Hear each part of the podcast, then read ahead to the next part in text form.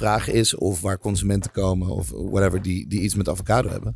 En tegelijkertijd kunnen we ook producten ontwikkelen die ver de grens overgaan. En als er een Chiquita is voor bananen, waarom is er geen show voor avocado?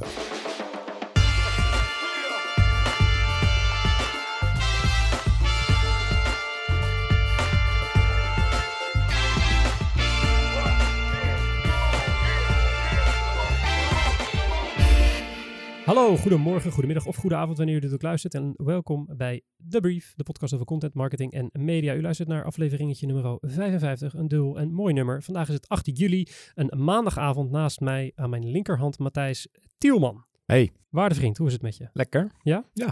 Wat is, eh, wat is je mood over de zomer eh, tot, nu, tot nu toe?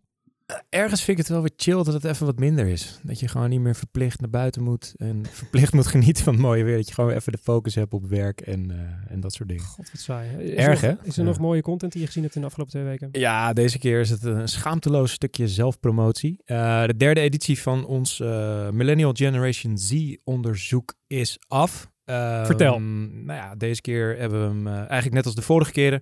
eh 2500 Nederlandse millennials en Gen Z'ers ondervraagd over allerlei eh, onderwerpen. Zoals nieuwsconsumptie, reclame, social media. Hoe gaan ze daar nou eigenlijk mee om? Deze keer ook hebben we gevraagd over eh, wat ze eh, leuk vinden om op vakantie te doen. eh, waar ze heen gaan, dat soort zaken. En ehm, ja, er kwamen wel weer wat leuke eh, of interessante dingen uit. Niet per definitie leuk. Ehm, bijvoorbeeld dat ehm, ja, de depressieve gevoelens na het gebruik van social media eh, stevig toegenomen zijn in vergelijking met vorig jaar. Vooral onder millennial vrouwen is dat met, eh, met, van 26 naar 36 procent van de respondenten die daar aangeeft daar last van te hebben. Zijn best wel stevige, stevige uitkomsten. En ehm, verder hebben we ook gezien dat digitale kranten eh, eigenlijk, eh, of, of digitale kranten of nieuwssites moet ik zeggen, eh, de plek in hebben genomen van social media als belangrijkste nieuwsbron. Dus we hebben wel wat geleerd van, van de hele Trump en fake news dinges. Eh, dus dat is mooi. En een laatste, voor de rest eh, wil ik jullie echt verwijzen naar het rapport zelf, wat je via wayneparkerkent.com kunt downloaden of eh, via de link in de show notes. Maar dat is dat Gen Z veel planmatiger op vakantie gaat dan millennials. Die boeken veel verder van tevoren hun reizen. En ehm, ook als ze op vakantie zijn, dan hebben ze de boel al helemaal dichtgetimmerd. En dat vond ik wel verrassend. Heb je al een vakantie geboekt dan, als millennial zijnde? Ja, het is een, een reisje Een reisje, ja, voor een huwelijk in Zuid-Amerika. kijk eens aan. Ja. Eh, we- we zat er iets in het onderzoek waarvan je dacht, eh, oh, dat had ik niet verwacht. Nou, ik vond bijvoorbeeld die laatste van eh, ehm, ja, dat Gen Z jongeren. ja, toen ik vroeger op vakantie ging, was het van ik sprong in een bus en ik zag al waar ik eruit getrapt werd door de reisorganisatie. En verder was het allemaal niet gepland. Maar dat gaat dus bij die jonge gasten nu veel planmatiger. Dus die hebben echt gewoon van, van week tot week en in sommige gevallen ook echt van dag tot dag vastgelegd wat ze allemaal willen zien, wat ze willen doen. En dat het dan ook nog weer een keer heel ver van tevoren geboekt wordt, vond ik, eh, vond ik een mooie uitkomst. Zou dat komen omdat zij opgegroeid zijn met eh, die rijkheid en inspiratie die wij het internet noemen? Dat zou heel goed kunnen. Doen we in onderzoek 4, gaan we verder vragen. Kijk, nou, dat is een mooi bruggetje naar onze gast. Zeg helemaal geen bruggetje, maar wel een mooie afsluiting van dit gesprek. Tegenover ons zit de gast. Die was ooit brand ambassador en digital media manager bij Bacardi Nederland. Ging daarna als organisator en artiest de feestjes in Ik Noem en Girls Love DJs, Ik Noem en Please Don't Tell. Allemaal uit de koker van deze meneer. Maar inmiddels is hij toch hoofdzakelijk bekend als oprichter en die ene guy van een restaurantketen met 127.000 Instagram volgers. Vanmiddag nog gecheckt. En net een tweede vestiging in Amsterdam, een eigen merchandise line, een koffietafelboek en dat allemaal binnen zo'n drie jaar medeoprichter van de Avocado Show, Ron Simpson. Ron, Hallo, hallo. Miste ik iets? Ja, het was eh, de derde vestiging in Amsterdam, maar verder zat je er goed op. dikkie. Ja, het was ook zo'n lijstje. Het was ook zo'n lijstje. En, noem ze even allemaal op dan. Heb je, dat promopraatje ook meteen gehad. Nou, we gaan een nieuwe openen op de Keizersgracht. De originele zit in de Pijp en de tweede zit op Willemsparkweg. Ah, kijk eens aan. Ben je de avocado zelf al een beetje zat? Nee, Nee? ik vind het juist bizar hoe iets wat zo constant is mij nog steeds kan verrassen. Kijk eens aan. We gaan eh, straks eh, verder met je praten, maar voordat we, dat, eh, eh, voordat we naar het nieuws gaan, ben je eh Mhm. zelf een podcastluisteraar? Eh, ja, ik, als ik in de auto zit vooral, of moet reizen, dan vind ik dat ook chill. Oké. En is er een, een tip die je kan geven aan de luisteraar? Een show die je nu Ehm, momenteel helemaal in zijn greep oeh. heeft. Nee, ja, ik ben heel eerlijk gezegd nog niet zo heel goed erin. Dus ik luister nog Joe Rogan en zo, wat iedereen eigenlijk doet. De Keurig. stapel. Ehm, dat vind ik echt heel vet. En ik, ik ben nog niet heel loyaal naar één show toe of zo. Maar ik volg mensen die heel goed zijn in podcast luisteren. En daar komt af en toe gewoon uit van... hey, dit moet je echt checken. Of dit interview is echt tof of whatever. Dus Eh, ik ben een opportuni- opportunistische podcast. Ja, of een fijnproever, zo zou je het ook kunnen zien. Zo is het. Kijk, helemaal goed. Gaan we eh, zo naar het interview verder praten met Ron, maar eerst even naar het nieuws. Zijn we bij het nieuws zoals u van ons gewend bent, bespreken we iedere aflevering van de brief eh, drie nieuwsitems die de media- en marketingwereld in zijn of haar ban hebben gehouden. Het eerste nieuwsitem van deze afleveringetje nummer 55 gaat over de KLM. Want wat heeft de KLM gedaan? Lezen we op ink.com en eigenlijk op heel veel grote marketing sites. Die hebben namelijk een campagne, eh, zijn ze begonnen, eh, die eigenlijk een beetje tegen hun eigen product ingaat. Eh, want die campagne heet Fly Responsibly. En daarin zeggen ze eigenlijk, yo, is het nou eigenlijk wel nodig, beste potentiële passagier, dat je die ene zakenafspraak face-to-face doet? Is de trein niet gewoon makkelijker? Zijn er niet alternatieven voor het vliegen naar je bestemming? De gedachte hierachter is natuurlijk dat zo'n 2 tot 3 procent CO2-uitstoot van menselijke toedoen komt door vliegen. Dus KLM zegt hier eigenlijk mee, ja, eh, wees een beetje verantwoordelijk met eh, ons eh, verbruik. Op een gekke manier. Ze zijn overigens wel, in hetzelfde bericht lezen we dat, tegen een koolstofheffing. want die ligt nu op tafel, een carbon tax. Daar zijn ze tegen, eh, tenzij deze internationaal wordt doorgevoerd. Dus enerzijds zeggen ze, eh, we moeten wat minder verbruiken met z'n allen. En die verantwoordelijkheid ligt bij u, beste passagier. En anderzijds ehm, eh, zijn ze dus wel tegen die, die wetgeving. Het deed ons een beetje denken aan de campagne van Coca-Cola, die je nu in heel veel bushokjes ziet hangen. Don't drink us when you don't recycle, meen ik dat de, de, kreet luidt. Matthijs, wat moeten we ervan vinden? Een heleboel. Vertel. Nou, laten we beginnen dat het een supermooi filmpje was. Echt super vet geproduceerd. dus dat is het positieve aan dit verhaal. Ja, het negatieve vind ik, ja, kom op jongens, weet je. eh, wentel niet de verantwoordelijkheid voor die vervuiling af naar de consument. Wat Coca-Cola overigens ook doet. Is gewoon, eh, maar als je het echt zo erg vindt dat mensen met vliegtuig naar Berlijn gaan, ja, kap dan met die vlucht en koop een trein of iets dergelijks. Weet je wel? Ehm, ik, vind, ik vind het erg makkelijk. Ja, oké. Ja, nou, Het is makkelijk scoren. Ik, maar ze, eh, ze doen wel als allereerste eh, airline in de wereld, zetten ze zo'n stap en nemen ze, brengen ze dit zo naar buiten. Ja, maar ik zou ook de mediabudgetten achter dit spotje wel eens willen vergelijken met de mediabudgetten die ze inzetten om ons tickets te laten kopen. Dat, Ja, eh, maar dat, dat is een businessmodel. Hè? Ik bedoel, dat, Ja. En dat zeggen ze ook heel eerlijk in het, eh, eh, in het, ehm, eh, in het bericht. Dat ze zeggen, ja, we blijven natuurlijk wel gewoon vliegreizen verkopen, want dat is wat we doen. Ik bedoel, dat is onze business. Eh, maar zo willen ze toch een soort van bewustzijn creëren bij hun passagiers. Ja, Maar ik- dat voel je niet. Nou ja, goed. Ik, het is allemaal zo makkelijk, weet je. Als je echt die verantwoordelijkheid voelt, dan kun je eh, ook heel veel gaan investeren in schonere vliegtuigen, in schonere manieren van vervoer. Ehm, ik vind het erg makkelijk. Het is, eh, ja, wellicht is het de kick-off van een heel groot initiatief waarin eh, KLM, volgens mij hebben we dit eerder ook al eens op deze manier eh, dat KLM gaat zeggen, we gaan nu treinen inzetten tussen Amsterdam en Berlijn en Amsterdam en Parijs en, en dat soort dingen. Tof, weet je wel. Maar ik, eh, ja, eerst zien dan geloven. En wat mij betreft gaat deze nog in het bakje greenwashing. Ah, oké. ik ben wat positiever, maar eh, Ron, jij eh, eh, vliegt eh, ook nog wel eens de wereld over. Kan Ik me vlieg nog wel eens, Je ja. ziet eruit als een man van de wereld. Ehm, vertel, hoe moeten we dit zien? Wat is Nou, jouw ik- gevoel? Ik, eh, mijn gevoel zegt een paar dingen. Eh, het eerste is, ik ik heb nooit gedacht dat ik dit zou zeggen. Ik snap wel dat zij eh, tegen zo'n tax zijn als het alleen lokaal is. En dat komt omdat ik denk dat je eh, fair business moet kunnen doen in de zin van... Het is best wel een competitieve wereld. En als zij als enige zo'n last moeten dragen, dan verliezen ze hun businessmodel tegenover andere internationale spelers die dat niet hoeven te doen. Ik denk dat eigenlijk eh, iedereen dat zou moeten doen. Dus als zo'n koolstoftax komt, dat we gewoon met z'n allen moeten zeggen van ja, gaat ie, weet je wel. En niemand, er is altijd tegengeluid, niemand zal het leuk vinden in het begin, bla bla bla. Maar het is een goed ding uiteindelijk dat we dat uitbalanceren.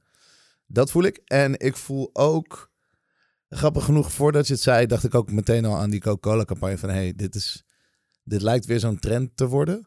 Wat niet per se een slecht iets is, eh, maar wel history repeats. En daarmee bedoel ik, ik weet nog eh, dat er in de horeca of in andere dingen ineens eh, duurzaamheid voorop stond. Dat elk hotel groen en conscious en dingen werd.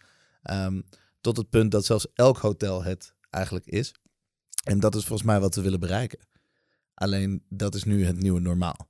Dus daarna moeten ze een nieuwe narrative gaan zoeken, wat ik gewoon cool vind. Ik vind dat al die dingen moeten normaal worden. Het moet normaal voor ons zijn om ehm, ja, niet elke dag je handdoeken te wassen of niet voor hele kleine trips een vliegtuig te pakken. Dat, is, eh, dat lijkt me logisch, maar je moet ergens beginnen, man. Dus ik, ik, ik hoor wat je zegt. Ik snap dat het een beetje misschien een te kleine stap is voor je om te denken, hey, hier heeft iemand een beslissing genomen.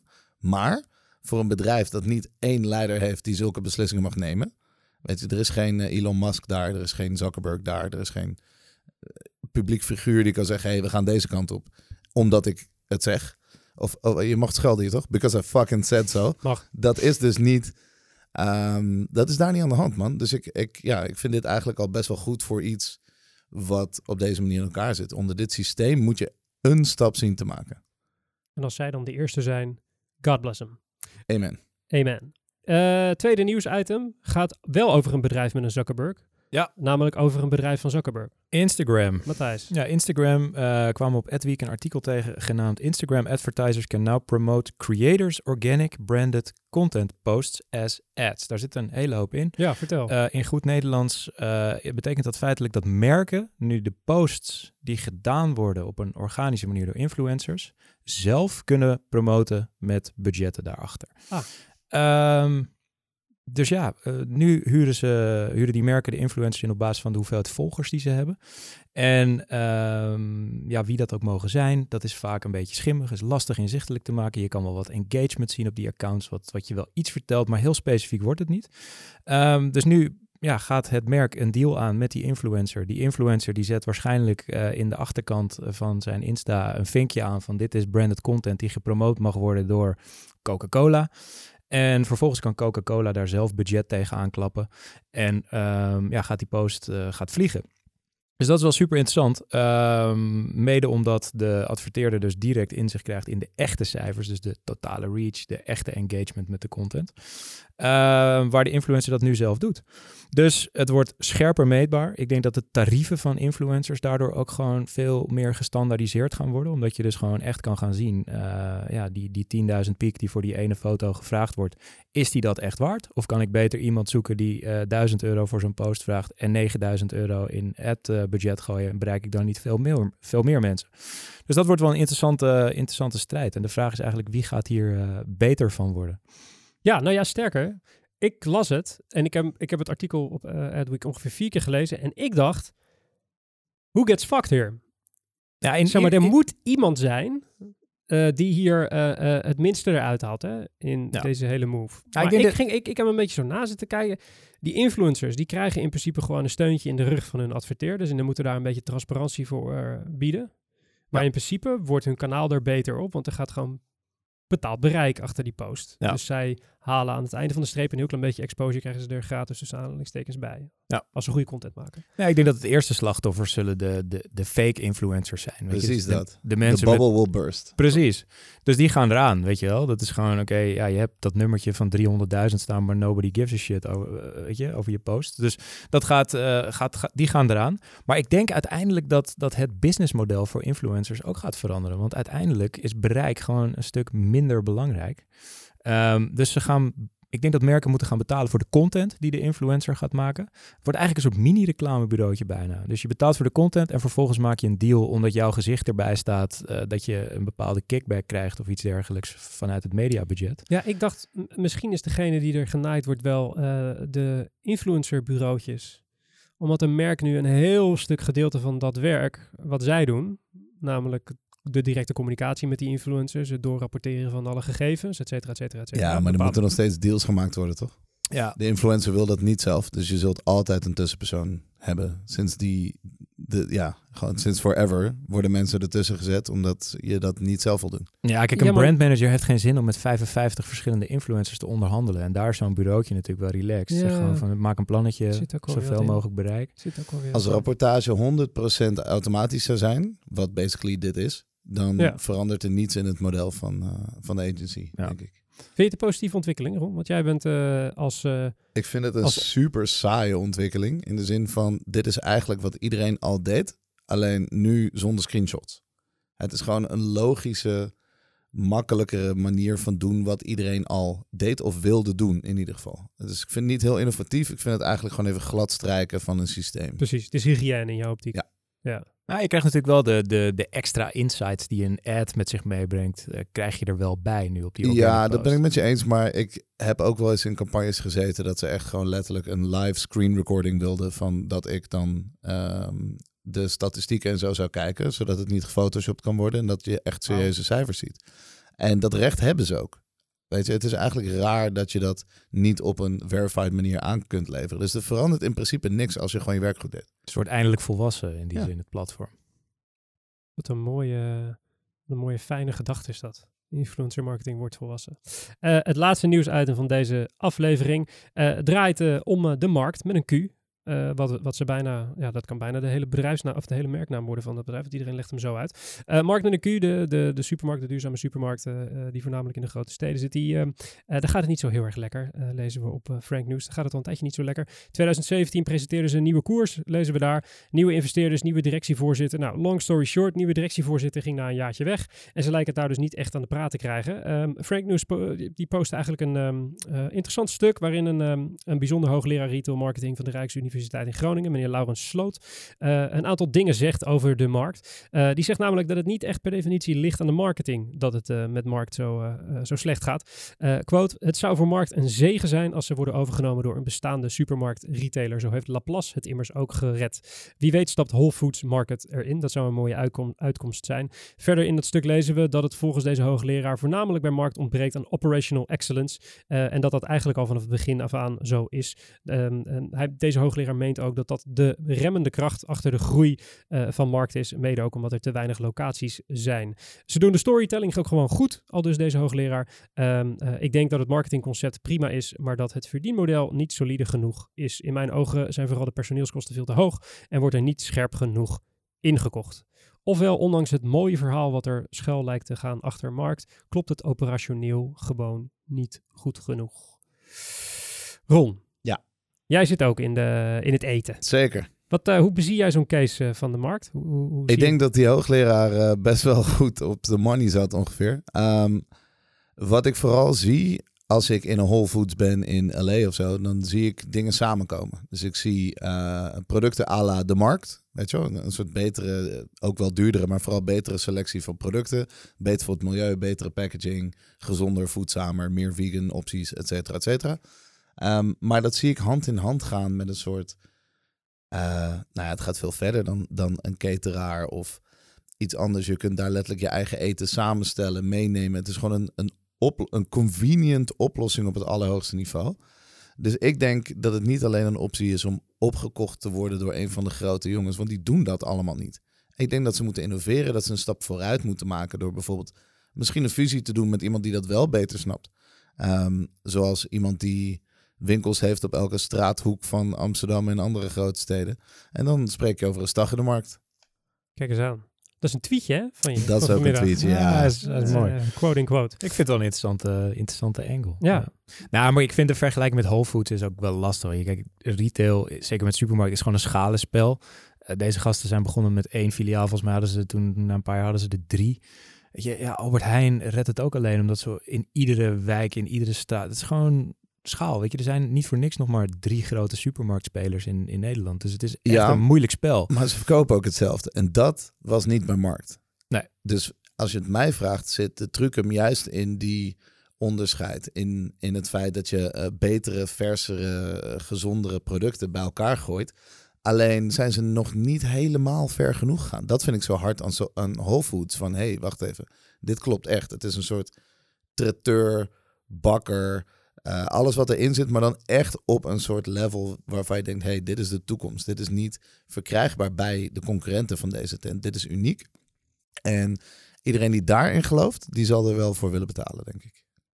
Dat is Ja. een beetje wat Jumbo doet met die food market. Maar dat doen ze dan op één plek. En, En op Jumbo-niveau. En I love Ja. Jumbo. Ik heb helemaal niks tegen Jumbo of, eh, of whatever. Maar eh, zij weten heel goed wie er bij hun shopt en hoe ze dat aan moeten bieden. En ik denk dat er altijd wel ruimte is voor een iets premier of eh, eh, iets meer premium of een soort van iets meer vooruitstrevend of vooruitlopend model daarin. Ehm, en misschien is het alleen maar in de Randstad of in grote steden waar mensen dat soort geld uit willen geven. Dat zou kunnen. Maar dan weet je in ieder geval alsnog van, hey, onderscheid je, maak jezelf gewoon sterker en beter en dan kun je, kun je het doen. Ja, en één ding is misschien ook nog wel het probleem. Is dat zij zijn hiermee begonnen, super succesvol geweest in het begin.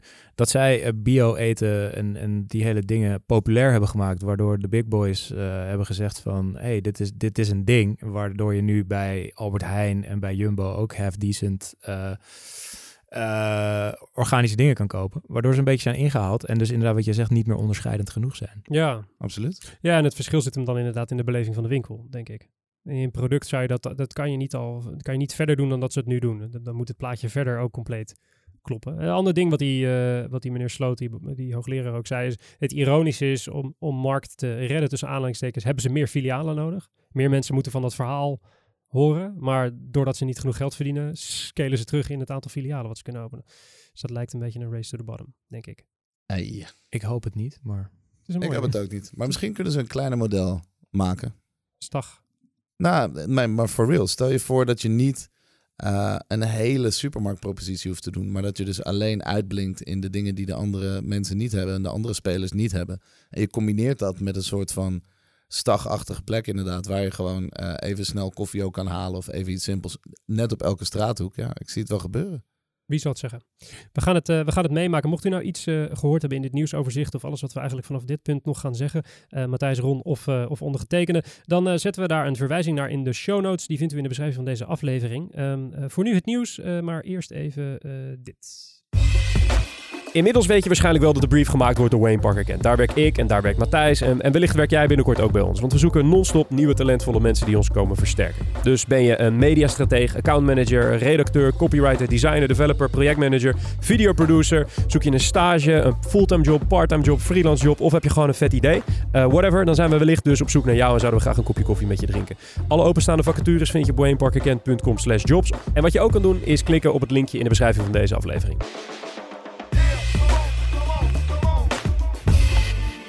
In de studio met onze gast Ron Simpson, medeoprichter van de Avocado Show. Eh, Ron, ik las in een, oud een ouder interview eh, van je ehm, dat je ooit hebt gezegd: de beste concepten passen op een bierveeltje. Die uitspraak had ik vaker gehoord, maar ik vraag me eigenlijk af: wat stond op het bierveeltje van de Avocado Show? Van dat idee? Eh, eigenlijk vrij simpel. Als je naar de, de formule kijkt van de Avocado Show, dan is het gewoon een, een mono-restaurant concept.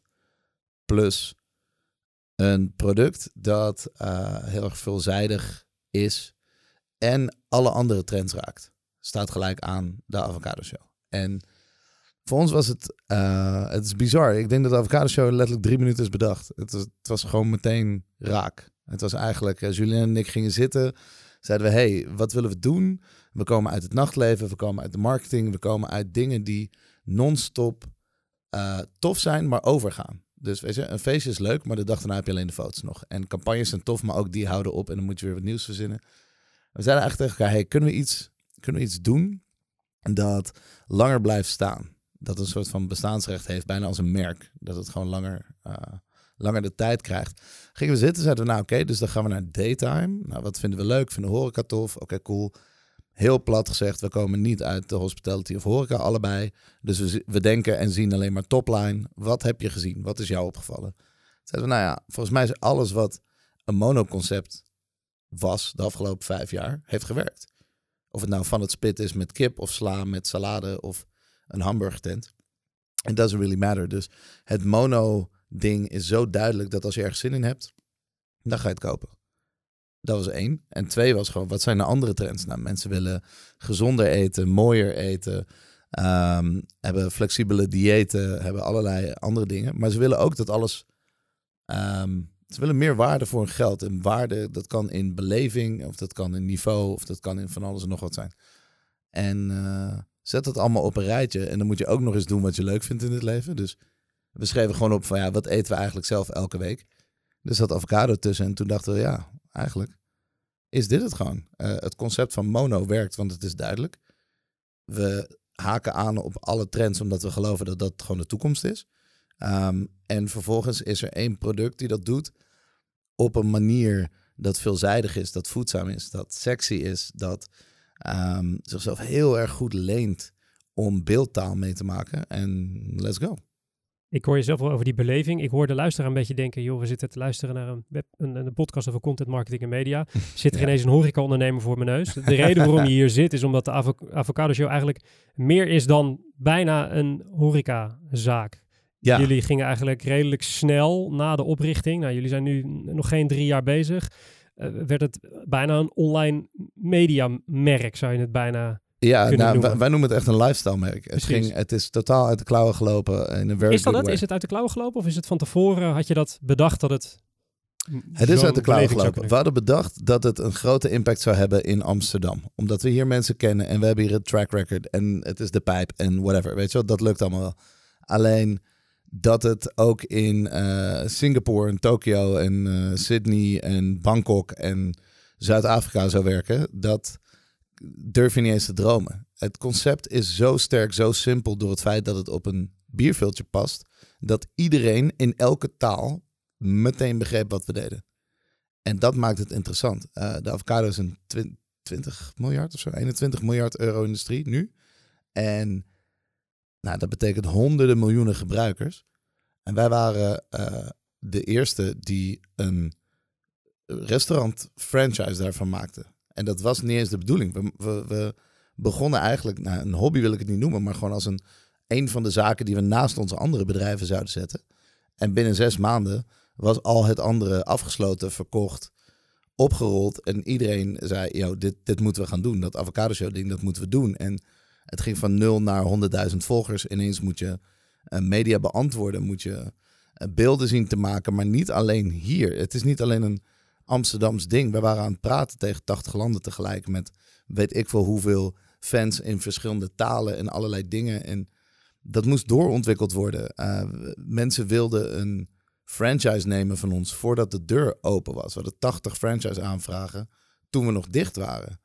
Dat is vreemd. Ehm, een franchise is eh, natuurlijk een soort van woord dat je al heel lang kent, maar wat is het eigenlijk? Het is, het is een systeem. Het is iets wat je dus over kunt nemen. Dat bestaat uit twee delen. Dat is een merk en een systeem dat werkt, waardoor je dat zelf niet uit hoeft te vinden. Dus je betaalt eigenlijk gewoon een licentiebedrag om een werkend systeem over te nemen van iemand. En daarmee kun je een zaak draaiende houden. En als het merk goed is, komen mensen door de deur. Maar dat systeem was er nog niet. Dat systeem was er niet. We hadden nog geen jaar tot jaar cijfers. Het enige wat we eigenlijk hadden was relatief goede content, dat het heel goed deed. Ehm, en dat steeds verder de wereld inging. Als dat hier was gebleven, dan waren we waarschijnlijk ook wel succesvol geweest in Amsterdam. Maar dan had dat hele andere factoren gehad. Inmiddels zitten we bijna duizend aanvragen.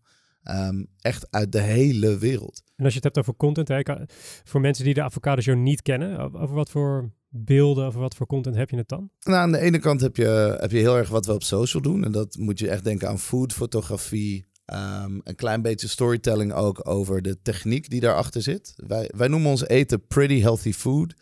Omdat ik vind dat het een nieuwe categorie is. Al zou je avocado eruit halen, dan zou het nog steeds pretty healthy food kunnen zijn. Dat is gewoon een soort van nieuwe generatie van eten wat je heel veel online ziet. Daar geloof ik in. Het is voedzamer, het is mooier, maar je betaalt eigenlijk nog steeds dezelfde prijs. En het is super lekker.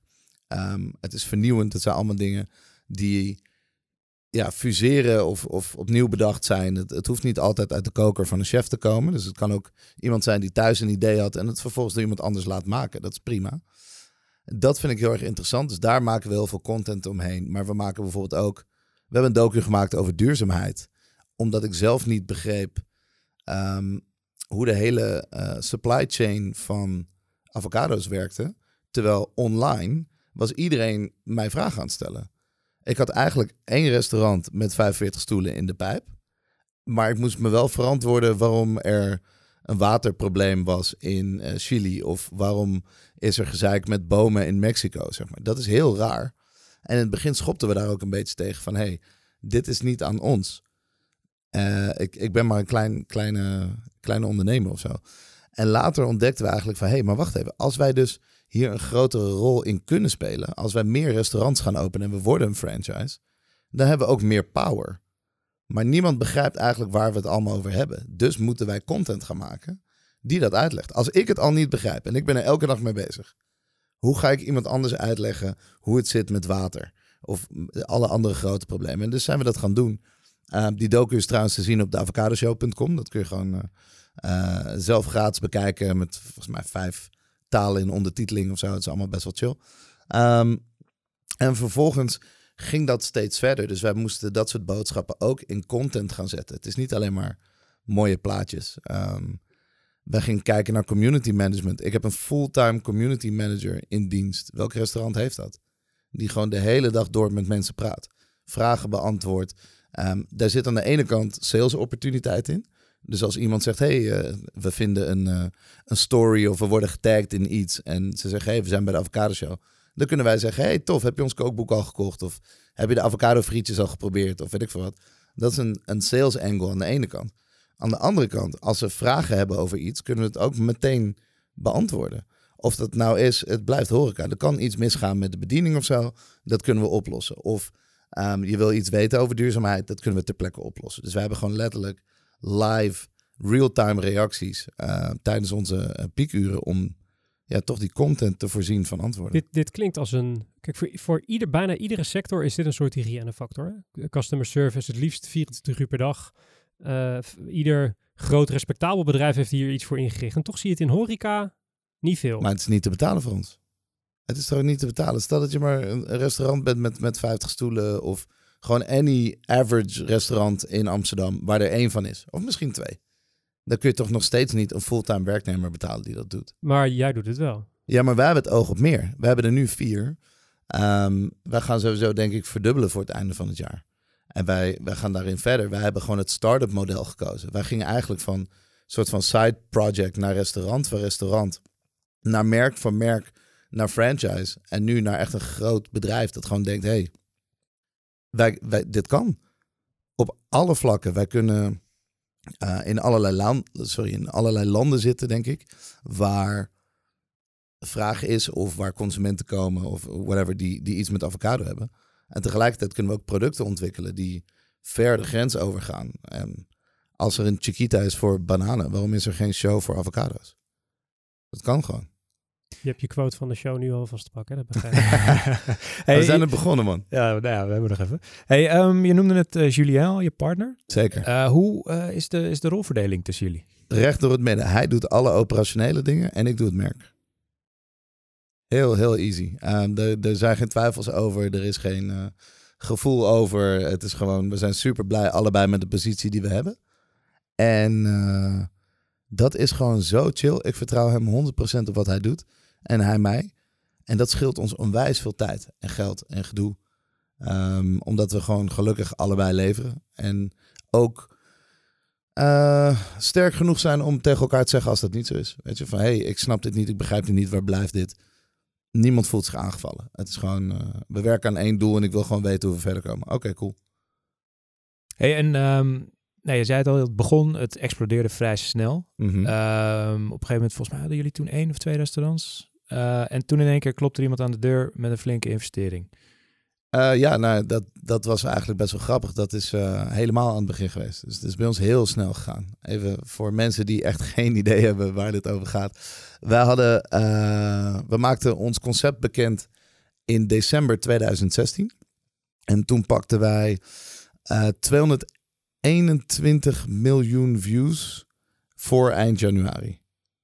Dus, dus dat, in, in, in minder dan ja, in anderhalf maand tijd of zo pakten we, pakten we dat. En 100.000 uh, fans. En weet, nou, echt de telefoontjes en de e-mails waren niet bij te houden. Het, het was echt gewoon een soort van. Maar jullie zitten daar met z'n tweeën in een kantoortje en het explodeert. Ja, ja dat is uh, dag één, inderdaad. En dan ben je met z'n tweetjes, je gooit het online en het gebeurt. Maar wij waren ook allebei ondernemers. Dus we hadden andere bedrijven met personeel. En dat personeel werd onvrijwillig in een avocado callcenter gegooid. um, wat echt hilarisch was. We probeerden het gewoon bij te houden. En het ging viral. En het ging echt als een olievlek. Dus van, um, van Amsterdam naar Nederland, Benelux, Europa. En voordat we het wisten, werd je op de raarste tijden gebeld. Omdat het echt gewoon uh, ja, op andere continenten was. En niet één of zo, gewoon allemaal. En dat is heel erg tof om te zien. Het is tof dat dat zo viral gaat. Alleen je moet niet vergeten dat je de basis nog steeds moest regelen. We waren niet open. We hadden geen um, lening. We waren met onze eigen geld, het kleine beetje dat we hadden, gewoon op zoek naar iets kleins in de pijp. Daarom is het ook zo'n kleine zaak geworden, die eerste. En we hadden het allerbelangrijkste, we hadden een goede toevoer nodig van eetrijpe avocados. Je hebt als je een avocado restaurant begint, moet je elke dag eetrijpe avocados. En we, we weten allemaal hoe moeilijk dat is. Zo is het. Um, dus dat was interessant. En we raakten op een of andere gekke manier in gesprek met onze leverancier. Want we hadden allemaal eisen. Um, het was niet alleen een goede eetrijpe avocado. Het was ook, uh, het moest duurzaam en het moest op een sociale manier. En we wilden er wat meer over weten. Dus het was niet alleen een soort van zakelijke deal. We moesten echt een partnership vormen. Ehm, toen we dat deden, eh, liepen we tegen Nature's Pride aan op een hele leuke manier. Dat is gewoon een, een partij Dat is jullie leverancier. Nederland. Ja, dat is onze leverancier. En de oprichter daarvan, de founder daarvan, eh, dat bleek echt een rock'n'roll ondernemer, Amerikaanse vrouw te zijn. Een soort, we noemen haar de Bill Gates of avocado's. En zij heet Sean Harris. Zij is echt fantastisch. We zijn één avond met haar gewoon gaan dineren. En toen vroeg ze, ehm, ja, best wel Amerikaans eigenlijk een beetje van, hey, wat is je droom? Hoe zie je de komende vijf jaar? Weet je, hoe zit dat in elkaar? En op een of andere manier, normaal had ik me in Nederland heel erg ingehouden, toch? Hier is doe maar normaal, doe je al gek genoeg, whatever. Bij haar dacht ik, ik ga gewoon alles zeggen wat ik denk. Everything.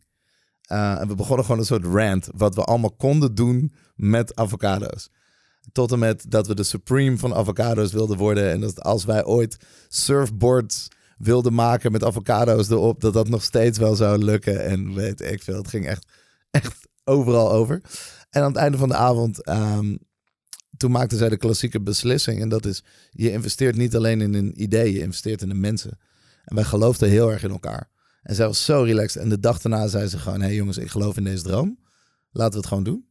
Zo, hoe bedoel je, laten we het we gaan het gewoon doen? Wat betekent dat? Ja, gewoon, we gaan het gewoon doen. Uh, ik geef jullie uh, uh, het startscheld. Dus schrijf maar een plan. Laat me maar zien wat je denkt. Nou, daar hadden we echt nul ervaring mee. Dus we waren heel erg veel info aan het inwinnen van wat kost dit en hoe lang duurt dat, noem het allemaal maar op.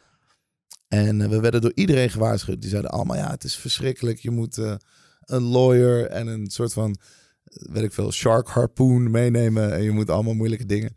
Eindstand, zij is gewoon een mooie ziel die een mooie droom zag en dacht, dit wil ik gaan doen met mijn leven. Dit is mijn volgende stap nadat ik deze gigantische zaak verkoop. En wij zeiden, nou, ik wil gewoon deze droom uitvoeren. Um, wie beter dan de vrouw die 25 jaar met het product heeft gewerkt wereldwijd. Het is gewoon een soort unicorn eigenlijk. En uh, daar zijn we gewoon zo blij mee dat, uh, dat we zo iemand aan boord konden halen die echt gelooft in de essentie van wat we doen. En hoe betrokken is zij nog? Ja, dat is dus heel tof. Zij, is, uh, ze zit bij ons wel in de board, dus we zitten sowieso elke paar maanden samen. Ik denk dat we haar elke week wel spreken. Maar het allertofste aan haar vind ik dat zij heel goed weet wat ze wil en waar ze heel goed in is. En ook waar wij dat zijn. Dus zij probeert helemaal niet in onze creativiteit aan te tasten of whatever. Ze wil het wel allemaal zien en weten en uh, uitgelegd krijgen, uiteraard. Maar ze laat ons ons gang gaan. En ze laat ons denk ik ook af en toe een fout maken terwijl ze weet dat we dat gaan doen of zo. Um, maar als het op big business aankomt of als het echt op, op major moves aankomt, zou het een bedrijf met 500 man werken. Weet je, zij weet echt wel wat ze doet. Dan luisteren we gewoon naar haar. Maar als het tijd is om naar ons te luisteren, dan doet ze dat ook. En dat getuigt van een respect die ik niet, uh, niet vaak tegen ben gekomen. Ja. dus dan is volgens mij net de pijp open. En dan heb je dus die investering. Ja, Wat klopt. gebeurt er dan? Dat is dus heel gek, want um, als ik één ding heb geleerd van de Avocado Show en het hele avontuur erachter, dan is het het schaalbaar leren denken. En dat veranderde letterlijk elke maand ging de next level open. Dus zoals ik zei, we begonnen met een, een side project en toen ineens was het, oh wow, uh, dit is wel heel veel aandacht. Dit is nu een merk. Oké. Okay. Wow, we krijgen aanvragen uit het buitenland. Oh, dat is best wel vet. Wow, we krijgen ineens een investering. Wat? Gaan we echt franchisen? Nou, ja, we gaan het doen. Oh, wauw, oké. Okay. Uh, en nu is de merk. En nu willen mensen spullen hebben en merchandise. En, en voordat je het weet, ben je gewoon serieus gesprek aan het houden van... hoe gaan we Europa doen? Het idee was, hoe gaat die tent in de pijp lopen? En, en soort drie maanden later ben je, hoe gaan we Europa doen dan? Jode belt net iemand uit het Midden-Oosten. Ze willen in alle landen van de GCC nu een deal. Hoe bedoel je? We bestaan na twee maanden. Ja, die gast komt morgen ingevlogen. Wat? Allemaal van dat soort dingen, dat gebeurt de hele tijd. En tot het punt dat we echt met mensen zaten die gewoon zo groot dachten dat zij... Ja, ze hebben het gewoon uitgespeeld. Ze hebben ons meegenomen naar dat niveau om mee te denken op een niveau dat je denkt... Oké, ik zie alleen nog maar het product. Ik zie letterlijk hoe wij uh, de King of the Hill brand kunnen worden. Zoals ik net al zei met dat Chiquita en banaan geval. Toen dit begon hadden we dit nooit zo bedacht. Toen ineens, zij leerden ons rondkijken van... hey, hoeveel avocados worden er eigenlijk verkocht? Hoeveel mensen eten dat? Hoeveel spelers zijn er? Hoeveel submerken zijn er? Waarom is er geen Nike onder de avocado's? Waarom is dat zo? Um, en al, allemaal van die insights die je uiteindelijk ja, ik weet niet man, de visie in je brein zo ver openen totdat je denkt, holy shit, dit past ook op een bierviltje. Ik wil de Chiquita van avocado's worden, past op een bierviltje. En er is niemand die niet begrijpt wat ik bedoel. Maar ik had die woorden nooit uit kunnen spreken zonder hulp en, en realisatie van al deze mensen om ons heen. Weet je wel? En uh, dat vind ik gewoon heel vet. Bewapend dat je ook een beetje tegen de. Uh, nou, laat ik hem anders stellen. De, de avocado is hip. Mm -hmm. Is dat nog steeds? Is het al een tijdje? Jouw mono-restaurant is daar, nou ja, dat hoeven we niet te benadrukken, stevig aan verbonden. Ja. Er bestaat natuurlijk een kans dat er over vijf jaar, over drie jaar, over volgend jaar, de avocado ineens uit is en niet meer zo Instagrammable. Is er iets waar je over nadenkt? Of waar je... Ja, man, ja, ja. Kijk, de grap daarvan, die fase, daar zat ik ook in. Maar ook daar ben ik uitgegroeid. Die schaal, dat schaalbaar denken, mm -hmm. dat heeft mij daar overheen geholpen. En waarom? Uh, twee dingen. Eén, ik ben een. Ik ben iemand die toch wel altijd een safety net inbouwt. Al heb ik het niet nodig. Al, al zal ik het nooit nodig hebben, whatever. Ik wil toch altijd weten van, uh, inderdaad, wat gebeurt er als er morgen weet je, de pleurs uitbreekt? En uh, nou, voor ons is dat heel simpel. Het ontwikkelen van dat pretty healthy food verhaal, dat klopt. Zoals ik zei, ik kan daar avocado uithalen. En het is nog steeds voedzaam, mooi, lekker eten. Dat gaat werken. En dat is uh, ja, de ultimate plan B. Als dat als if all else fails en het lukt niet meer en we willen, weet ik veel, niet meer met avocado geassocieerd worden voor welke reden dan ook, dan kan ik het altijd pretty healthy food noemen en daarmee vooruit.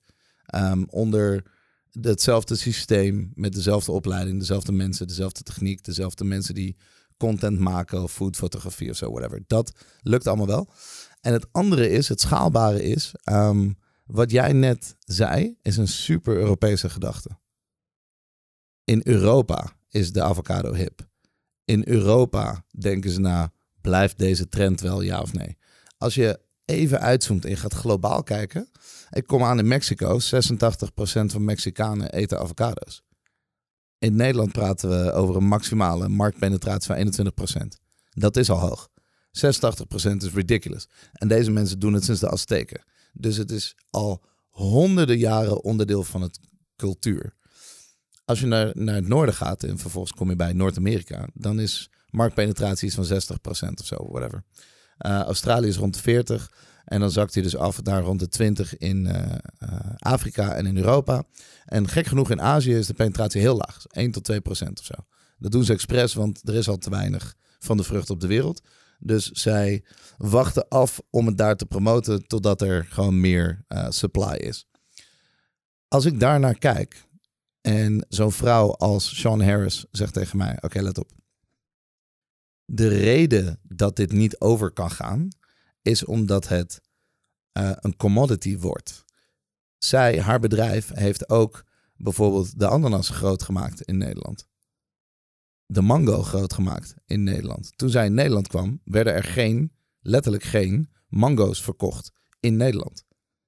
Um, dat werd een tijdje lang een hype. We kregen taxi en uh, mango-ijs en weet ik veel, allemaal bijproducten ook. En vervolgens is dat ding gewoon onderdeel van de normale wereld. Dat gebeurde bij de ananas ook en de bananen, weet ik veel. Bij ons zal het ook gebeuren. Blijft niet forever hip. De, de avocado is niet hip in Mexico, maar 86% van de mensen eten het. Dus, uh, door, dus door de schaal breek je eigenlijk door lokale trends als hipheid heen. En heb je de, uh, de longen om dat te doorstaan. Om het zo Juist, een, een hype of een trend introduceert een uh, product en vervolgens haalt het dat weg en wordt het vervangen door wat anders. In dit geval heb je gewoon een market introduction en daarna blijft die staan.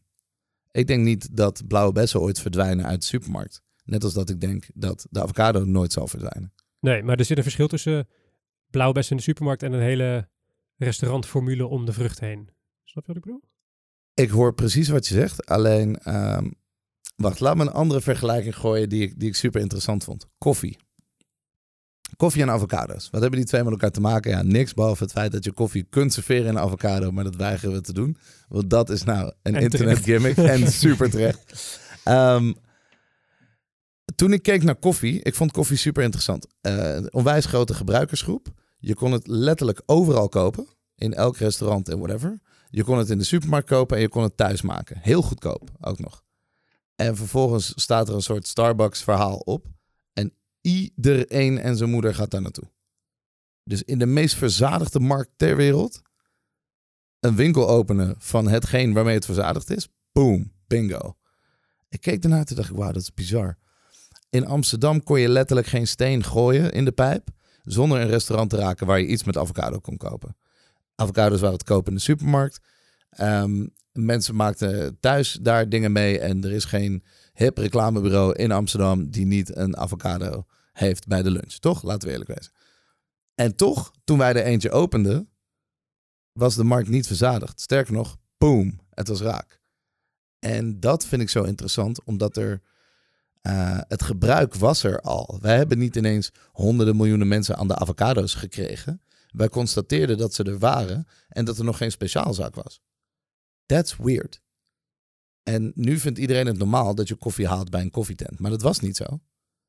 En straks vind je het denk ik gewoon normaal dat je voedzaam, mooie, pretty healthy food, in welke vorm dan ook, met of zonder avocado, haalt bij zo'n zaak.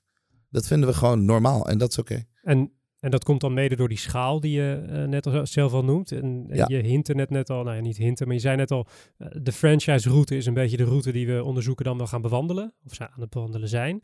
Um, je hebt best wel een sterke focus op het merk. Ja. En als je gaat franchisen, komt een deel van het merk, namelijk de uitvoering, bij iemand anders te liggen. Mm -hmm. Zijn er dingen die jij vanuit Amsterdam tussen aanhalingstekens zeg maar, een safety net inbouwt om dat merk te beschermen? Ja, natuurlijk. Dat, wat, wat, wat zijn de, de, de dingen die jij meegeeft aan een franchise-nemer voordat ze aan de slag mogen? Je bent bijna een jaar bezig met het schrijven van zo'n uh, zo'n manual. Dat is niet, dat moet je echt niet licht nemen. Ik denk dat dat bijna 800 pagina's zijn, ex alle legal werk en, uh, en noem het maar op. Dus wij houden alle marketing zelf in de hand. Van content tot boodschap, tot targeting, tot advertising. Alles komt uh, bij HQ vandaan, dus dat doen wij. In een franchise heb je dus ook afdracht. Dus je betaalt royalties, nou dat is gewoon omzet. Maar daarbuiten heb je eigenlijk ook een marketingafdracht. En dat varieert ja, eigenlijk bij elk merk wel, maar er is global marketingafdracht en local marketingafdracht. En in ons geval gaat het allebei naar ons toe en krijg je dus twee vormen van campagnes. Eén, hoe ga je dat lokaal doen? Dus wij targeten voor je, wij kiezen wat je wel of niet um, aan content inzet. Focussen vooral uh, op digitaal en op de juiste platformen, zodat we echt synergie eruit halen. Um, en op een global level dragen zij allemaal bij in de toekomst aan de content die we gaan maken. Als ik ooit een TVC wil of ik wil, weet ik veel, radiospot, wat ik niet zo snel zou doen hoor. Maar um, dan moeten we dat met z'n allen gaan doen. Dat potje komt daar met z'n allen vandaan, maar wij beheren dat. Dus wij doen alle marketing. Wij hebben alle systemen als het op eten aankomt. Dus de bereidingswijze, de snelheid daarmee, uh, het bestelsysteem, noem het allemaal maar op. Dat hebben we al doorontwikkeld. Maar als je dus iets wil, stel je, we tekenen er een in Dubai. En die zeggen, nou ja, oké, maar het is hier uh, heel normaal om uh, meer vegan te eten. Of bijvoorbeeld heel simpel, geen varkensvlees in, uh, in het Midden-Oosten. Nou, dat begrijp ik. Dus dan moet er eten ontwikkeld worden. Dat doen wij ook. Tot helemaal afgestylde borden aan toe. Ik vertel je waar je het bord haalt, hoe je het moet snijden, et cetera, et cetera, et cetera. Dus je haalt bij ons ja, toch wel een bepaalde kennis die je ergens anders niet haalt. Als zij allemaal ontwikkelingskeukens moeten gaan bouwen of uh, targeting moeten gaan leren binnen hun eigen uh, gebieden, ja, dat, dat is gewoon omslachtig. En dat En- regelen wij. En eh, wordt HQ dan ook afgerekend door de lokale ondernemers? Want ik kan me voorstellen dat als zij zoveel uit handen geven, dat ze wel eens denken, ja, dan hebben we wel x number of guests eh, eh, nodig als jullie alle marketing doen. Zit er zo'n eh, afrekenmodelletje ook? in? Ja, nou goed, ik denk dat daar wel tijd overheen gaat. Dus eh, omdat we voor onszelf ook nog heel erg uit moeten vogelen van... hé, hey, als ik A erin stop, eh, wat komt er bij B uit? Ehm, maar uiteindelijk gaat het daar wel naartoe. Want je, je draagt natuurlijk gewoon marketinggeld af... in de hoop dat daar eh, KPI's uitkomen. Die, die moet je met elkaar af gaan spreken en doen en laten. Maar tot nu toe gaat het eigenlijk bij alles wat we openen gewoon heel goed. Dus ja, we hebben nog niet... ehm, we zijn nog niet in die fase gekomen waarbij het stagneert. Wat ongetwijfeld een keer gaat gebeuren. Waarbij we dan moeten gaan kijken van... Hey, eh, is dit aan? systematisch op te lossen? Ja. Hey, en en eh, kijk, jullie maken heel mooi eten, heel lekker eten. Maar eh, op een gegeven moment zijn mensen wel klaar, denk ik, met plaatjes gewoon van, van, de, van het eten zelf. Wat is jullie plan, zeg maar, om de Avocado Show online interessant genoeg te houden? Ehm, wat mij verbaast is dat als iemand de avocado saai zou moeten vinden, dan ben ik het. Iemand moet mij letterlijk elke dag overtuigen dat het ding tof is en lekker is en whatever. En ik hoor letterlijk elke dag, denk ik, 150 keer het woord avocado. Dus als iemand gek zou moeten worden, dan ben ik het. En dat maakt mij de ideale persoon om het interessant te willen houden. En wat mij opvalt is wat die chefs maar blijven verzinnen. Dat vind ik heel interessant. Het is zo veelzijdig. Het kan warm, koud, uh, hartig, zoet, geprakt, gesneden, gegrild. Ge, weet. Je kunt alles met zo'n ding. Um, en daar komen hele bijzondere smaakcombinaties uit. Dus dat, dat stukje, ik denk dat daar echt nog een hele wereld aan opportuniteit ligt. Tegelijkertijd proberen wij de narrative ook te sleuren naar... hey, kijk eens wat er gebeurt als je twee bewuste jongens uh, in een start-up gooit... met de juiste investeerder, die dus ineens schaalbaar wordt... die content kunnen maken zelf, verhalen willen schrijven zelf. Um, ik zou heel graag naar een plek willen waarbij ik als merk of als bedrijf, hoe je het ook wil noemen, uh, veel meer grip heb en macht om de sustainability bijvoorbeeld aan te sturen van de groei van dit ding. Weet je, de avocado groeit als een malle en dat, dat, dat blijft maar gaan. Hoe groter wij worden, hoe meer eisen we kunnen stellen aan de boeren, aan de telers, aan iedereen die dat doet. Um, en dat willen we documenteren. Wij zijn allerlei manieren aan het verzinnen om waste tegen te gaan. Het fijne aan een monorestaurant is, als ik een avocado binnenkrijg, uh, kan ik het verkopen als eten op dag 1. Op dag 2 is hij nog steeds rijp, maar heb ik eigenlijk nog maar één dag over. Op dag 3, uh, als hij nog niet verkocht is, dan kan ik er wel guacamole van maken. Want dan weet ik zeker van, oké, nou dan gaat het er sowieso morgen uit. En ik kan er citroensap bij doen, dus dan blijft hij goed. En weet je wel, wij hebben geen waste op avocado's. Wat heel interessant is. En we proberen dat steeds groter te maken. Was dat een overweging? Jij zei dat is uh, een, een, mooi meegenomen wat je in een monorestaurant hebt. Was dat iets wat een overweging was toen je het concept ont ontwikkelen was? Um, niet helemaal zo. Het was meer een beginwaarde. Dus wij keken elkaar aan en zeiden: Oké, okay, op basis van wat kiezen wij partnerships uit? En toen zeiden het is gewoon heel simpel. Ik ben niet boos op de vorige generatie, omdat ik er heilig van overtuigd ben dat zij niet bewust waren van alle informatie die ik wel heb. Ik heb die informatie wel. En dat zorgt ervoor dat ik dat niet kan ontkennen. Ik wil dat niet ontkennen. Wij doen gewoon ons best om te zeggen: hey, als het duurzaam kan, als het beter kan, dan doen we dat gewoon.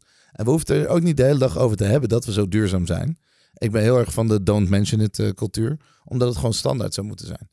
En dus Jules en ik keken elkaar aan en zeiden: hey, whatever it is, er moet een goede eetrijpe avocado op tafel komen die elke dag geleverd kan worden. Maar als dat ding niet duurzaam is, dan doen we het niet. Is het een vertiefde industrie, de avocado-industrie? Um, het is niet vertiefd. Het is.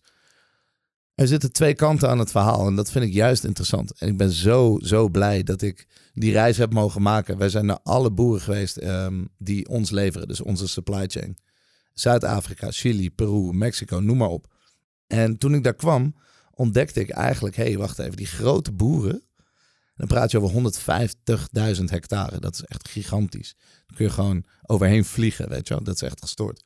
Um, die mensen zijn pro's. Iedereen die op dat level is gekomen in zijn of haar leven, die uh, weet wat ze doen. Dus zij verspillen helemaal niks. Ze hebben techniek, ze gebruiken uh, drip water, irrigatie. Um, ze denken na echt over alles. Alle, alles is gewoon goed geregeld. En dat vind ik aan de ene kant heel fijn. Want als iemand mij vraagt, kan er op een duurzame wijze avocados worden uh, geteeld? Dan is het antwoord ja, dat kan. En wat is dan het probleem? Nou, als ik daar dan naar kijk, dat vind ik ook interessant. Wat is dan het probleem? Wat is het dan echt? En dan kijk je gewoon naar de, de human side of things. Dat, dat vind ik super interessant. Dus als er een boer is die niet gigantisch groot is met 150.000 hectare, maar gewoon een familieboerderij heeft met uh, drie hectare. En deze persoon die wilde voor zijn familie zorgen. En die uh, probeerde dat eerst met wijn. Dus die had druiven. Maar dat lukte niet, want het is een moeilijke industrie. En als het je niet lukt om een merk uh, goed te krijgen of weet ik veel, het klimaatwerk tegen, dan ben je daarmee klaar. Dus hij mislukt. Maar hij heeft nog steeds familie, die moet hij eten geven. Dus hij denkt, nou, um, sinaasappelbomen, ga ik proberen. Oké, uh, dus hij tuigt dat op, moet weer twee seizoenen wachten. Sinaasappels groeien eraan. Uiteindelijk krijgt hij nog steeds niet het geld dat hij nodig heeft. Hij slaat de krant open de volgende ochtend en hij leest: Avocados are booming in Europe.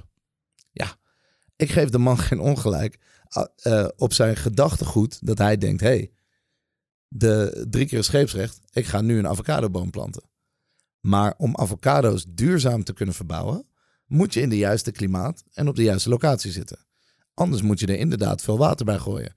Of andere trucjes uithalen om te zorgen dat de plant niet doodgaat door iets wat in de bodem zit of weet ik veel wat. Dus de, aan de menselijke kant kun je er helemaal niets aan doen. Je, je gunt het hem bijna. Je denkt, ja, ik snap dat je dit doet. Aan de eh, grote Save the Planet kant denk je, hé hey, jongen, kom op, ga nou niet met een tuinslang water geven aan een boom die eigenlijk al niet in deze klimaat, in deze grond had moeten staan. En daar zit het hem in. De kruk zit hem in de kleinere jongens uh, ook mee aan boord krijgen. Manieren vinden dat die grote gasten meehelpen om de kleine jongens ook de techniek te geven die ze nodig hebben. Um, en dat kan, dat lukt. Ze willen dat ook wel doen. Alleen je merkt dat het gewoon een beetje een ouderwetse wereld was die gewoon in is gehaald door die, door die hype, door die grote vraag en demand van de avocado. Uh, ja, die boeren waren natuurlijk gewoon boeren en die groeiden maar door. Maar die, die moeten nu ineens andere problemen oplossen. Hetzelfde als met ons. Als wij niet de achtergrond hadden die we hadden, maar we kwamen uh, uit de horeca of zo en we gingen een restaurantje openen. En ik, er werd ineens van mij verwacht dat ik een merk moest runnen of dat ik allerlei dingen moet kunnen. Ja, dat had ik dan ook niet gekund. Het is echt puur toeval dat Julien en ik allebei deze achtergrond hebben en content kunnen maken en een merk kunnen doen en kunnen pitchen bij investeerders en dat we dit hele spel begrijpen. Dat is toeval. Maar ik snap heel goed als je dat niet hebt. Dat je denkt, oh my god, we ben ik al begonnen? Hoe los ik dit op? Hoe... Ik weet het niet, ik weet het niet. Ik, ik vind het heel normaal. En ik zou heel graag willen groeien, zodat ik meer invloed heb op dit soort dingen. Dat ik daar meer kan helpen. Dat lijkt me te gek. Over invloed. Je zegt net al, wij maken heel veel content zelf. Ja. We hebben het eerder in deze aflevering het nieuws gehad over influencer marketing. Mhm. Influencers en horeca. Hoe werkt dat aan jouw kant? Want wij zien natuurlijk uh, de etalage, de mooie fotootjes. Tuurlijk, ja. Jij krijgt alle mailtjes binnen van... ...yo, kan ik uh, met mijn dinnetjes eventjes uh, ja, met, met 100 personen komen lunchen... ...voor een roggel en drie knikkers en Precies. Ja, kijk, Hoe zie jij dat? Ik, ehm, ik wil ten eerste dat... ...voordat ik deze vraag beantwoord... ...dat iedereen begrijpt op welk niveau we zitten... ...en dat ik dat ook begrijp. Dus ik weet echt heel goed dat wij een uitzondering zijn. Dat weet ik. Ik weet dat niet bij elk restaurant rijen voor de deur staan zoals bij ons. Dat wij in een absolute luxe positie zitten dankzij de media en iedereen die ons geholpen heeft. Dat, dat begrijp ik heel goed. Dat zet ons ook in de positie om elke keer bij zo'n influencer aanvraag te denken: sorry, dit is uh, water naar de zee dragen of dit, dit maakt me niet uit. Ik ben gewoon op zoek naar een fit. Wij zeggen eigenlijk per definitie nee tegen influencers omdat het bij ons zo druk is dat mensen anderhalf uh, uur soms moeten wachten op een tafel op de drukste uren tussen 12 en 2 bijvoorbeeld. Het laatste wat ik dan wil is dan iemand naar binnen schuiven en zeggen: Oh ja, maar omdat jij Instagram followers hebt, mag je hier even gratis eten. En jouw hele timeline zit vol met selfies, waar niks mis mee is, maar mensen volgen jou schijnbaar om je gezicht te zien. Waarom willen ze dan ineens naar mijn gerecht kijken? Dat, dat it makes no sense. Voor mij. Ik sta er wel altijd voor open. Want het is ook wel eens voorgekomen dat een influencer langskomt. Die pitcht een pleurisgoed verhaal. En die zegt... Geef eens een voorbeeld. Wat is nou ja, wat is een pleurisgoed ehm, verhaal? Een pleurisgoed verhaal is... Ik ben opgegroeid uh, op een uh, avocado farm in Zuid-Amerika. Waar mijn hele familie die doet dat. Ik vind het te gek. Als kind uh, vond ik dit al super vet. Iedereen van mijn following weet dat ik dol ben op avocado's. Ik wil echt heel graag uh, niet alleen bij jullie eten. Ik wil ook met jou praten. Ik wil jullie verhaal weten. En ik wil dat doorvertellen, uh, omdat ik super trots ben op waar ik vandaan kom, op het product. En wat jullie ermee doen, dat vind ik heel vet. Toevallig heb ik ook genoeg bereik om daar echt een verschil mee te maken. Dus ik vind dat het je tijd waard is. De fit dus. De fit, ja. Dan denk ik, ja, je hebt gelijk. Dan, ja, dat klopt. Of het nou rustig of leeg is bij ons, wij zouden met jou moeten praten. We zouden dit absoluut moeten doen. Maar tot die tijd zeg je per definitie Nee, dat is niet per definitie, er zijn uitzonderingen. Jij zegt we zitten in een luxe positie door altijd goed te kijken, door kritisch te kunnen kijken naar wie eh, de aanvraag doet. Ja. Maar zou iedere horecatent dat niet moeten doen? Ja, maar dat is, dat is heel makkelijk gezegd als je altijd vol zit. Dus ik, ik begrijp dat mensen op een gegeven moment denken, ja, ik moet toch wat. Ik wil toch ook op dinsdagmiddag vol zitten. Ja, ik geef hem gelijk. Dus Ik weet niet of dit de oplossing is. Ik denk het niet. Namelijk, ehm, ik las toevallig deze week dat er in eh, Amerika een tent was die influencers twee keer liet afrekenen. Vond ik ook leuk. En maar hoe ga je je, je franchise-nemers straks sturen hierop? Want die beginnen een nieuwe tent. De, niemand kent ze nog of ze zijn nog relatief onbekend in hun, in hun stad slash land. Klopt. Ehm, Wij doen de marketintroductie. Dus ik doe alle PR daar. En dan kan ik je echt precies al vertellen aan de hand van dat, hoe hard het daar ongeveer zal gaan. En alle aanvragen komen op de global page binnen. Wij doen geen sublagen. Dus het is een global page. En daarin kan ik zien eh, wat de aanvragen zijn voor Brussel of Londen of eh, weet ik wat. Dus ik, ik ben wel benieuwd, jij, jij zegt, eh, dan, gaat het keihard. Ik doe die PR en, eh en in marktintroductie. Mhm. Zijn er bepaalde basisregels waaraan iedere nieuwe introductie van de Avocado Show in de buitenlandse markt aan moet voldoen? Ehm, ja, die zijn er, zeker. Ehm, er zijn vooral dingen die we niet willen zijn en niet willen doen. Ik denk dat, dat dat heel erg belangrijk is. Er zijn, er zijn manieren waarop we niet die markt willen betreden. Er zijn dingen die we echt, echt niet willen doen. Een van die dingen is bijvoorbeeld te zeggen... nou, we nodigen 100 eh, influencers uit in, eh, weet ik veel, Parijs. En die zetten we aan tafel. En dat is dan zwaar genoeg om voor ons dit te lanceren. Dat, weet je wel? Het, het mag best een onderdeel zijn ervan als er een goede fit is. Als de lokale ondernemer vrienden heeft daarin. Ik heb ook vrienden die influencers zijn. Dat maakt, dat maakt niet zoveel uit. Alleen dat is het niet. Het verhaal is ehm, het merk en het verhaal daarachter, de filosofie die wij doen, die moet heel duidelijk overkomen bij de pers. En alle key messages moeten naar buiten komen. Het is niet iets wat ik verwacht van iemand die een restaurant kan runnen. Zo simpel is het. Ik verwacht niet van een horeca-ondernemer dat hij ineens een PR-campagne kan runnen. En dat hij weet wat key messages zijn en hoe je dat doet. En nee, daarom doen wij dat zelf. En ik zorg altijd dat in het persbericht alles staat wat wij eh, willen hebben. Dat het allemaal goed herhaald wordt. Dat de beelden altijd goed zijn. Ehm, dat de lokale ondernemer en zowel de lokale locatie genoeg ruimte krijgt om eh, in die content te shinen. Dus het is niet alleen maar ons logootje en ons dingetje, maar het is meer, wij nemen echt de moeite om daar dezelfde fotograaf heen te sturen die fantastische interieurshots maakt, alsof het onze eigen tent is, terwijl het een, een franchise is. Gaan we dit nog steeds zo doen over vijf jaar? Weet ik niet. Maar nu gaat elke franchise open alsof we zelf een zaak opengooien. Dat is eigenlijk het, het gevoel dat erachter zit. We gaan zelf drie keer kijken, is dit de juiste locatie? Is het goed ingericht? Is het af? Staan de puntjes op de i? Kunnen we helpen met PR? Ik ben bij de opening. Ik draai op je opening. Maakt me niet uit. We doen whatever you want. Alles met z'n allen om dat een succes te maken. En eh, die marktintroductie moet weerspiegelen wat wij hebben meegemaakt toen wij het voor het eerst gingen doen. En 9 van de 10 keer is dat ook zo. Dus als wij naar België, eh, toen wij naar België gingen, dat was de eerste zaak van ons in België. Dat is echt een ding in België geweest. En als wij naar Frankrijk gaan, eh, gaan is dat de eerste keer dat de Avocado Show, nadat ze al over ons, het originele restaurant, in 2016 hadden geschreven, heel groot in Frankrijk. Ehm, dat is een navolging daarvan. Mensen vinden dat tof. Het is een soort ding.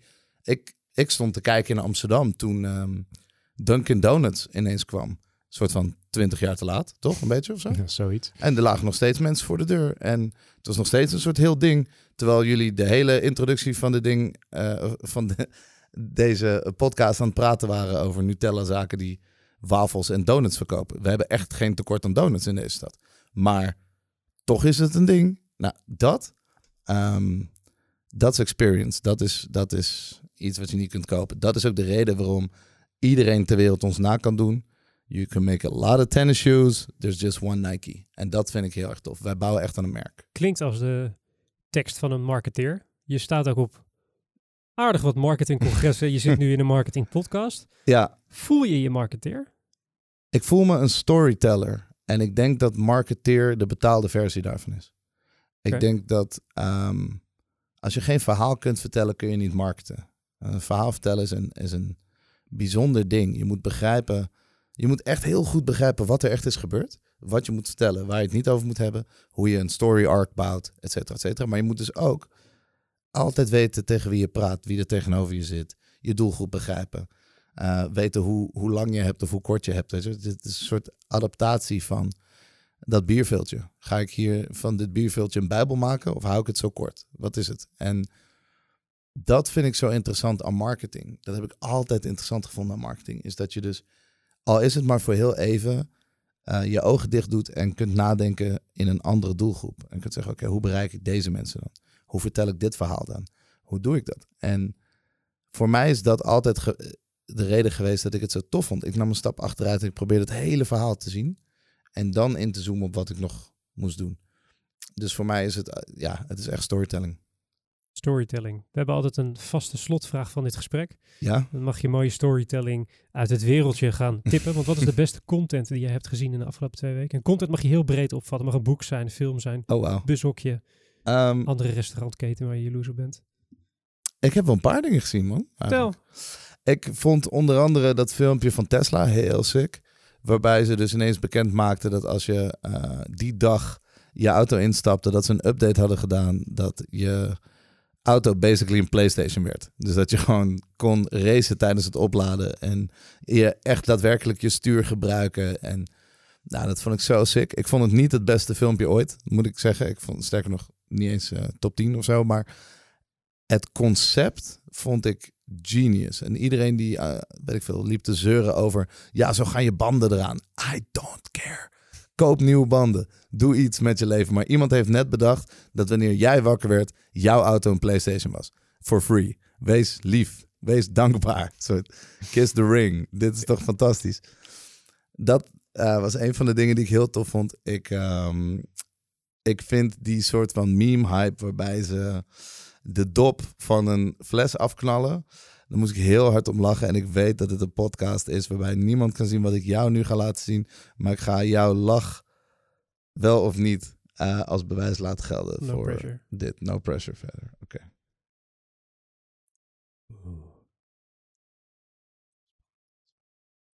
Wat gaat er komen?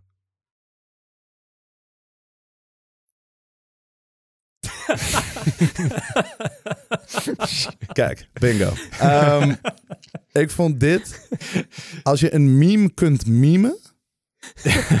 dat is een levensstijl hoor. Ja, God damn, dat is een levensstijl. Dan ben je echt... Dan speel je dingen uit. En dat vind ik gewoon... eh, linkje in de show notes. Linkje in de show notes. Linkje in de show notes. Ja, ik vind het gek. En ik heb ook een compilatie gezien van Adam Sandler outfits. Dat vond ik ook super sick. Dat iemand gewoon, eh, die zei tegen mij, Google Adam Sandler outfits. Daar komen foto's uit, jongen. Dat is echt bizar. En toen had ik een gesprek met mijn designer en die, die omschreef het perfect. Hij zei, Adam Sandler heeft het leven uitgespeeld als ik deze foto's zie. Want hij heeft gewoon een soort 50 film deal of zo, whatever, met Netflix. Met Netflix, ja. Waarin hij niet eens meer acteert. Hij komt gewoon opdagen, dan bestaat hij en dan gaat hij naar huis. En that's it. En voor de rest kan hij het zich permitteren om in deze outfits rond te lopen. My god, wat gebeurt hier? Ehm, dus dat, dat soort dingen vind ik, eh, vind ik echt te gek. En de robotarm die ging bowlen. Hebben jullie dat gezien? Ja, vond ik doodeng. Dat vond ik doodeng. Ja, ik heb het niet gezien. maar- Ja, Al die was- robot shit creeps me out, Het, zijn- het is het- een beetje hetzelfde als eh, dat robotica bedrijf met die hond. Heb je die wel eens Ja, gezien? Die nu ook kan rennen en springen en doen. Ach, daar komt hij. Daar komt hij. Het ziet eruit als een tool uit een of andere fabriek. The fuck? Ja, dat dus. Holy shit, joh. Wauw. Nou, het gaat vast niet... eh, eh, Nog een link in de show notes. verslind content, echt. Ik kijk het de hele, hele, hele dag. Ik vind Kijk, het we gaan, het, eh, we gaan het allemaal in de beschrijving van deze aflevering eh, neergooien. Ron Simpson, founder van de Avocado Show. Dank voor je komst. En jullie bedankt. Gaat, betekent het dat je nou eh, vanavond nog een avocadootje naar achter drukt? Of, eh, Nou, ik wil niet veel zeggen, maar wij hebben het toch echt met z'n allen gegeten net. En er zat echt veel er avocado zit in. veel avocado in. Ehm, kom je snel weer? Absoluut, graag. ons hartstikke gezellig. Matthijs, Yes. heb je trek in avocado's? Eh, ja. Ja, Nou, ik had, beetje. als je mij een jaar geleden had gezegd dat ik een uur lang zou praten over avocado's op deze manier, dan je had ik je niet geloofd. En ik, eh, ik vond het leuk. Kijk, kom je over twee weken weer? Absoluut. Helemaal goed. Heeft u nou iets gehoord waarvan u denkt, hé, hey, dat was interessant, daar wil ik meer over weten. Ik wil die filmpjes zien waar eh, eh, Mark zo hoog eh, door in de lach schoten. Dan kunt u even kijken in de show notes, want daar staan iedere verwijzing die wij hebben gedaan, inclusief de linkjes naar de documentaire over de Avocado Show, die staan in de beschrijving van deze aflevering. Hartstikke makkelijk. Wil je je abonneren op deze podcast? Dat kan via iTunes, Spotify, Deezer, noem het op. En we staan erin. Zeg dat ook eventjes tegen je collega's, je moeder, je vader en alle vrienden die je hebt. De brief wordt zoals iedere aflevering gemaakt door Wayne Parker, Kent, onze mediapartners in Adformatie en BNR Nieuwsradio. Productie wordt gedaan door de onvolprezen Hanneke Stuy, Maud Dekker en Björn Zwageman. Van die drie zit er eentje in deze studio. Die heeft geen microfoon, maar die gaat wel wat zeggen. En special thanks aan René Romein en Wesley Embrechts. De gast over twee weken, die houden we nog eventjes geheim. Mijn naam is Mark Schoones. Bedankt voor het luisteren en tot de volgende keer.